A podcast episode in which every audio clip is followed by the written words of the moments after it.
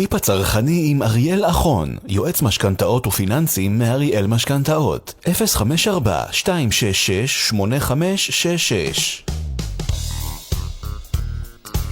כן, חברים, אמנם יום חמישי, אבל היום אנחנו עם הטיפ הצרכני. אנחנו ככה נכנסים לחודש אה, חגים, אה, מועדים, אה, חול המועד, כל מה שתרצו, אז אה, תעקבו, תעקבו כי הימים קצת משתבשים, הלוח זמנים קצת משתנה, אבל הפינה נשארת אותה פינה. ואם אנחנו מדברים כבר על חגים ועל uh, ענייני משפחה, אז בדיוק בעניין הזה אנחנו היום uh, נדבר עם אריאל אוחון, יועץ משכנתאות ופיננסים מאריאל משכנתאות. ערב טוב לך. ערב טוב רות, ערב טוב לכל המאזינים. אנחנו היום uh, דנים בענייני משפחה. בדרך כלל אומרים לא עושים עסקים עם משפחה. אבל אני מבינה שבענייני משכנתאות uh, יש חוקים משלה. אז זהו, שהבנקים סוג של אומרים את אותו דבר, לא כל כך מתים על עסקים בתוך המשפחה. זה לימדו אותי כבר, אתה יודע, הרבה פעמים אמרו לי, רות, עסקים, עסקים, משפחה, משפחה, אל תחברי הכל ביחד. אה, בוא נגיד ככה שזה נכון, אבל אם כבר עושים את זה כי יש צורך או יש רצון משותף, אז אנחנו צריכים לעשות את זה, מה זה by the book? כן. אה, תכף נסביר בדיוק למה אני מתכוון, של את זה ממש לפי הספר. כן. אבל ממש. אז, אז, אז בואי נדבר בעצם, בואי נסביר מה זאת עסקה במשפחה מהצד של הבנקים. יש לנו בגדול שלושה מצבים שונים שבהם אנחנו יכולים לבוא ולומר שהבנק מסתכל על זה כעסקה במשפחה. אחד זה מצב שילד רוכש את הנכס של ההורים, תכף נגיע לזה, אוקיי? או הורים רוכשים ילד, אבל בעיקר כשהילד רוכש מההורים. המצב השני שהוא מאוד שכיח, אה, לא עלינו, זה שיש ירושה. כלומר, אה, בואו נגיד שההורים הלכו לעולמם, אה, סבים הלכו לעולמם, הורישו נכס ליותר מכמובן בן אדם אחד, יותר מיורש אחד, ואיזשהו אחד מהצדדים רוצה לרכוש בעצם את, את הנכס, את החלקים האחרים של היורש או יורשים האחרים. הסוגיה השלישית היא סוגיית הגירושין, שוחחנו עליה בעבר, אם יהיה לנו כן. זמן היום אולי נחזור לזה ככה ממש בקצרה, אבל עשינו, הייתה לנו פינה שלמה בנוגע למשכנתות בגירושין. כן, גירושין זה כבר לא משפחה. בנישה הראשונה, שזה מצב שהוא מאוד שכיח של uh, הורים שמוכרים נכס לילד, ילד שרוכש את הנכס של ההורים. למה בעצם הבנקים מסתכלים על זה כעסקה שהיא מאוד מיוחדת? על פניו, מה אנחנו מבינים? אנחנו מבינים שיש איזושהי סיטואציה. בהרבה מאוד מקרים אגב, היא נובעת ממקום שההורים נקלעו לאיזשהו סוג של מצוקה, אוקיי? ועל מנת באמת לשמור, לשמור את הבית בתוך המשפחה, בתוך התא המשפחתי הרחב, בהרבה מאוד מקרים הילד בעצם ההורים אומר, טוב, אני ארכוש את הנכס מכם, תמשיכו לגור בו, הכל תקין, הזכויות יעברו על שמי. דרך הרכישה בעצם אתם כהורים תוכלו לקבל משכנתה, אה, תוכלו לקבל סכום כסף לא מבוטל, שאותו אני כמובן נגייס במשכנתה. אה, ובא לציון גואל, נכון? על פניו זה נשמע דבר מאוד לגיטימי, כן. אפילו נאמר דבר נורא אצילי. נכון. אה, שילד בא ו... ו- אבל גם, עצמו. אריאל, אבל לפעמים גם הורים אה, מעוניינים כאילו למכור את הנכס לבן אה, בפחות כסף, כאילו, זאת אומרת, כעזרה לבן דווקא, ולא להורים. יפה. אז, אז, אז זה בדיוק מה שמוביל אותנו, רות, לסוגיה של איך הבנק מסתכל על זה. Mm-hmm. כי, כי כשהבנק מסתכל על, ה, על הדברים בהקשר של עסקה בתוך המשפחה, בדגש כרגע על ילד שרוכש מההורים, אז בעצם מצד אחד יש את כל החוקים שאנחנו מכירים, החוקים הרגילים, של כן. יכולת החזר, של אחוז מימון, של מספר נכסים שכבר קיימים, יש לי כבר נכס היום ואני רוצה לצבור עוד נכס וכולי, דברים שאנחנו שוב מדברים עליהם משבוע לשבוע. אה, שכבר ככה די ברורים לנו. מצד שני, ממה הבנקים בעיקר מפחדים מהמצב הזה? הם מפחדים מכל מה שקשור לעסקאות אה, קומבינה כאלה של גיוס הון. שהישראלים מצוינים בזה. אלופים, פה כן. בהקשרים האלה אלופים. כן. אה, הם מפחדים מהלבנת הון. Mm-hmm. במילים אחרות, גם אם לא יגידו את זה בצורה ישירה, אני מרשה לעצמי לומר את זה.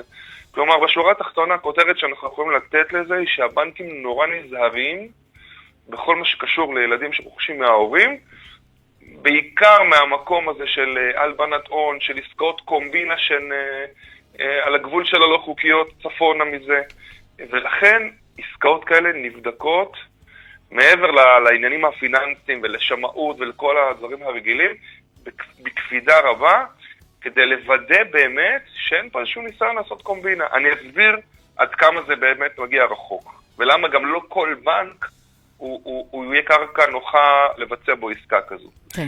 אז כשאנחנו בעצם עושים עסקה כזו שבמשפחה, הבנקים קודם כל רוצים לוודא, לפני הכל, שלהורים יש דיור חלופי. שימי לב, אני, אני מטיל פה ככה איזושהי אמירה מאוד מאוד אה, חשובה.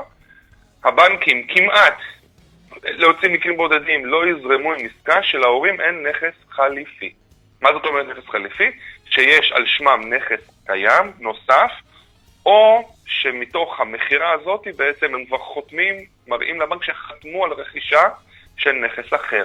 ו- למה הדבר רגע. הזה בעצם קיים? רגע, רגע, שאלה חשובה. אם כן. במידה וההורים הגיעו לאיזושהי בעיה כלכלית, והילדים רוצים לעזור, ואחד מהילדים אה, רוכש את הבית, אז איך הם ירכשו? זאת אומרת, אולי- זה, זה, זה הביצה והתרנגולת, שזאת סיטואציה שלא בטוח שהבנקים יזרמו איתה.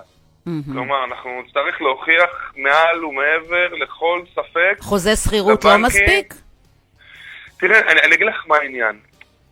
מה, ממה הבנקים בעצם מפחדים? הבנקים, בראייה של חלילה גם צריך לממש את הנכס, וחלילה מחר בבוקר אה, פתאום יכול להיות מצב שהיה עושק. היו מקרים מעולם שלא נדע שהילדים עשקו הורים, אולי הורים מבוגרים. מהמם. אולי הורים אה, דמנטים בצורה כזו או אחרת, אולי יש איזה שהם יחסי מרות בין הילדים לכיוון ההורים, לפעמים חלילה שלא נדע דברים כאלה כן. קורים, לכן הבנקים נורא נזהרים, הם מסתכלים גם על, על השלב הבא של חלילה פתאום ההורים אה, מתלוננים במשטרה או בהמשך הדרך, קרה משהו ואומרים תראה הילד שלנו עשה לנו ככה וככה והוציא אותנו מהנכס. אה, במרמה. עכשיו, גם אם אני אראה אפילו חוזה שכירות שההורים משכירים, בין אם בתשלום, בין אם בחינם מהילד, מה מונע מחר בבוקר מאותו ילד להוציא את ההורים שלו? הרי זה נכס שלו בסוף. אני לא נכנס פה לעניין ה... של אולי, יחסים, הוא- אה, כן, של, אבל-. של היחסים, אלא אה, לעניין הטכני שהם יכולים להוציא, כי זה לא נכס שלכם. אה, לכן, ברוב המקרים, זאת אמירה מאוד חשובה, יש לנו פה מצב שבו הבנק יבוא ויאמר, חברים, אין בעיה, תראו לי שלהורים יש נכס חליפי. אגב, למצב כזה שההורים נקלעו לחובות, אוקיי? מהמם. וכולי, יש לנו גם פתרונות אה, מאוד מאוד טובים של משכנתאות הפוכות. נתנו גם פינה ספציפית ייעודית לנושא הזה. כן. אנחנו כן יכולים להשתמש במצבים האלה אה, במשכנתאות הפוכות. ברוב המקרים זה ייתן לנו מענה מצוין, מבלי שבאמת ההורים יצטרכו לוותר על הנכס שלהם. יש לזה כמובן השלכות ומשמעויות, אבל בגדול יש פתרון. הוא לא. מתאים לכל אחד כמובן, אבל כן. אבל כן יש לנו סל של פתרונות בעולם המשכנתאות ההפוכות. אז מצד אחד אנחנו מבינים אוקיי? שמבחינת הבנקים, הבנקים בהחלט יכולים אה, אה, לדרוש, קודם כל שיהיה נכס חלופי להורים. דבר שני, על מנת לוודא שאין פה איזו עסקת קומבינה כדי לגייס כסף, הבנקים יקשו, וברוב המקרים, אני אומר חוד, להוציא ממקרים בודדים, הם יבקשו שהעברת הזכויות מההורים לילדים תתבצע במלואן עוד בטרם אה, ניתנה המשכנתה. כלומר, בדרך כלל, מה, מה מספק את הבנק מבחינה משפטית? שיש הערת אזהרה, שנרשמת בטאב, או, או, או, או נרשמת איזושהי הערה, אם זה מינהל מקרקעי ישראל, איזושהי הערה שנרשמת, אוקיי? כן. עם אה, איזושהי התחייבות לרישום משכנתה, עם התחייבות אחר כך, כמובן, ל, אה, להוצאת אותו, אותו כרגע גורם שהיום הוא בעלים של הנכס. פה באים הבנקים ואומרים, חברים, אנחנו לא מסתפקים בהערת אזהרה. הערת אזהרה הזאת חזקה משפטית, לא מספיק חזקה מבחינתנו. בעסקאות כאלה אנחנו רוצים שקודם כל תעבירו את הזכויות במלואן, אחר כך אנחנו עם הכל תקין נעביר לכם את הכסף. זאת אומרת שהבנקים פה מאוד מקשים בהקשר הזה. למה הם עושים את זה? כי הם אומרים, תראו, אם יש פה עסקה במשפחה, ילד רוכש מההורים שלו, יש פה ערבות הדדית מאוד גדולה, הרי ילד לא אמור לעשות איזושהי קומבינה אל מול ההורים שלו, במצב תקין. כן. וההורים אמורים להסכים לזה. ולכן הם אומרים, אוקיי, אם גם יש נכס חליפי וגם אה, נרשמו הזכויות במלואן על, על הבן, אז כנראה שכבר אין לנו בעיה במצב הזה, וזה באמת עסקה שהיא כשרה. ולכן פה הם יאפשרו את זה. אוקיי? כן. אה, אנחנו צריכים כמובן לקחת בחשבון את הניואנסים הרגילים, כמו אחוז מימון, יכולת החזר של מי שהולך לקחת עכשיו על עצמו את המשכנתה של הילד. אה, כמובן שאם יש לו עוד נכס היום, יש לו כבר נכס, כי הוא, הוא רכש נכס, הוא התחתן, הוא קנה נכס עם האישה, אז, אז כמובן שבמצב הזה הוא, הוא לא יוכל, אה, הוא יוכל לקבל אחוז מימון מסוים, ולא את כל מלוא האחוז, לא את כל האחוזי, אחוזי המימון כאילו הוא רוכש דירה ראשונה וכולי. צריכים לשים לב לכל הדברים האלה. אוקיי? אוקיי. אמ, בחלק מהמקרים גם הורים סוג של מוותרים על ההון העצמי. כלומר, יש לנו חוק ש- שמסביר שאם זו דירה, דירה יחידה זה, ש- עד, ש- זה עד 75% מימון משכנתה. אם זו דירה שאנחנו משפרי דיור, אז זה עד 70% משכנתה. ואם זה דיר, נכס להשקעה, זה עד 50% מימון משכנתה. חלק מהמקרים, ל... בעצם לילד אין את ההון העצמי הנדרש. כמו שאמרת קודם בפתיח, כן. הוא קונה למעשה במחיר יותר נמוך, כי זאת העסקה שבעצם הם רקמו. אז למעשה ההורים נדרשים במצב הזה לחתום על תצהיר, אוקיי, שהם אה, קיבלו את ההון העצמי או שהם אה, מוותרים על ההון העצמי בצורה כזו ואחרת, אוקיי, על מנת שבאמת הכסף של המשכנתה יהווה את הכסף העיקרי בעסקה. לכן זה, זה משהו שכמו שאמרתי קודם, לא סתם, הוא נבדק ממש ממש בפינצטה, ויש לזה פה השלכות משפטיות, צריך לקחת את זה בחשבון. לא עסקה שקורית בן לילה. כן, כלומר, זה אה, בטוח. יש פה המון תכנון בהקשר הספציפי הזה. אלה, אלה בגדול הדברים ככה שקשורים לנושא של ילד שרוכש מההורים. הורים שרוכשים מילד זה הרבה יותר פשוט אגב. כלומר, אה, המצב אוקיי. ההפוך הוא כמעט ואין הגבלות. עדיין הסתכלו על זה, אבל בצורה כן. שונה לגמרי, כי ההורים הם יותר מבוגרים, הם יותר מבוססים. כלומר, וזה זה, זה משהו שנכנס, שהרבה יותר טבעי.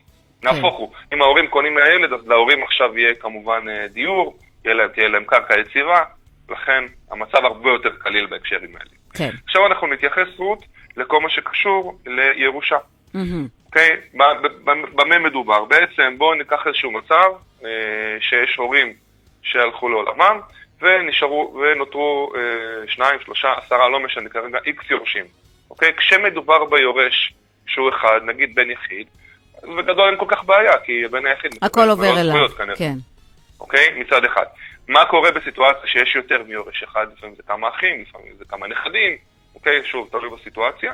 אז במצב הזה, אמ, אנחנו, ואני עכשיו כיורש, אחד מהיורשים רוצה לקנות, בהסכמה כמובן של שאר הצדדים, את אה, החלקים של אה, שאר היורשים, כדי שהנכס הזה יהיה ברשותי בסופו של תהליך. דבר שהוא הוא קורה, הוא מאוד שכיח, אה, לפעמים זה אחד הילדים, לפעמים זה אחד הנכדים, שהוא יותר קשור לנכס, או שהוא יש ביכולתו, יש לו יכולות פיננסיות יותר גבוהות, והוא רוצה לממש את הנכס הזה להשקעה אחר כך, כלומר, והוא מזהה את הפוטנציאל.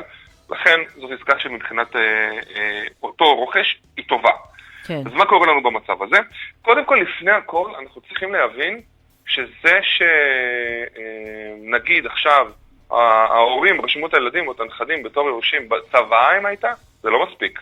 יש פה קודם כל תהליך, וזה חשוב שכולם יאזינו לזה, מי שבסיטואציה הזאת, של צו קיום צוואה ככל שההורים השאירו, או המורישים השאירו צוואה, ואו במצב השני שלא הייתה צוואה, כמו שצריך, יש עניין של צו קיום אה, אה, ירושה. אוקיי?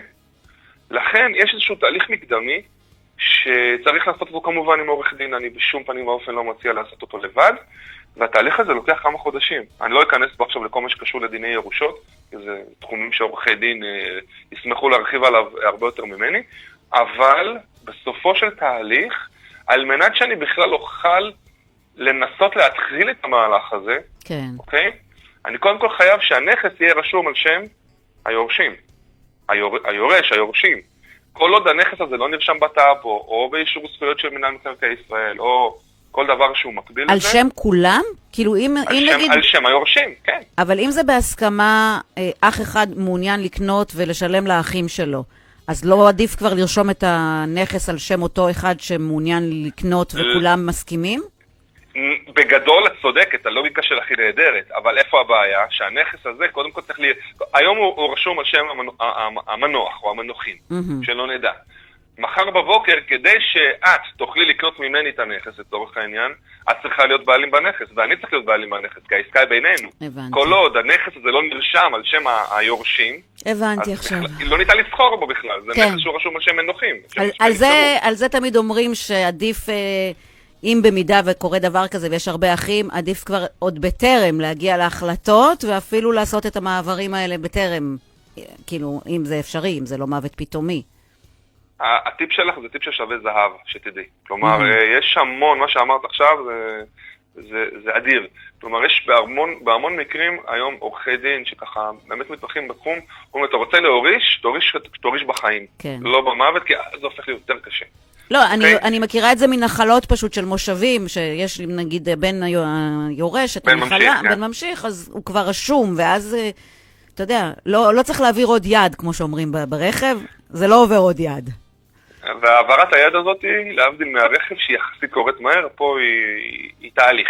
ובטח, אה, גם- היא בטח עם עלות גבוהה. מה קורה אם אחד ה...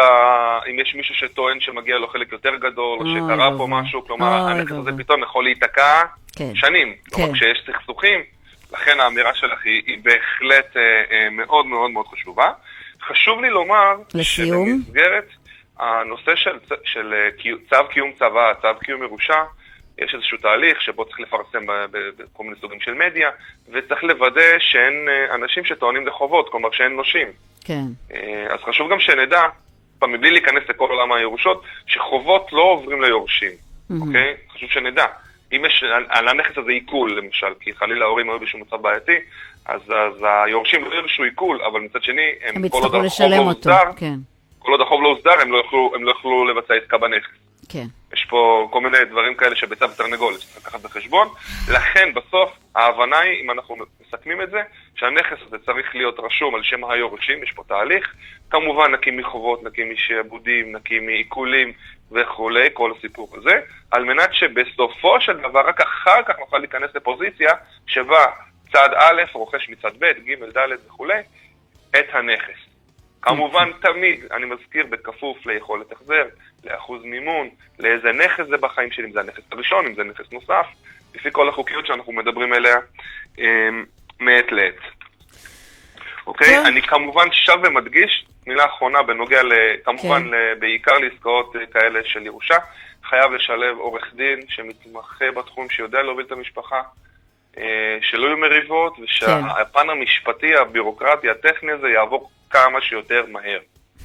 זה, זה, בדיוק. זה בדיוק המקום להגיד, ובנימה אופטימית זו, אתה יודע, אנחנו אוטוטו, ממש כמה ימים אה, מתחילים שנה חדשה, אז אני רוצה באמת לאחל לך שנה טובה.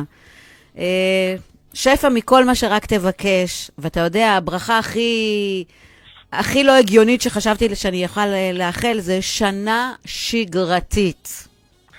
וואו, אה, לגמרי. כן. אריאל, אנחנו ניפגש בשנה הבאה. בהחלט שנה טובה אה, לכולם, ולך במיוחד רות. תודה רבה לך. ביי ביי. ביי ביי. הטיפ הצרכני עם אריאל אחון, יועץ משכנתאות ופיננסים מאריאל משכנתאות, 054-266-8566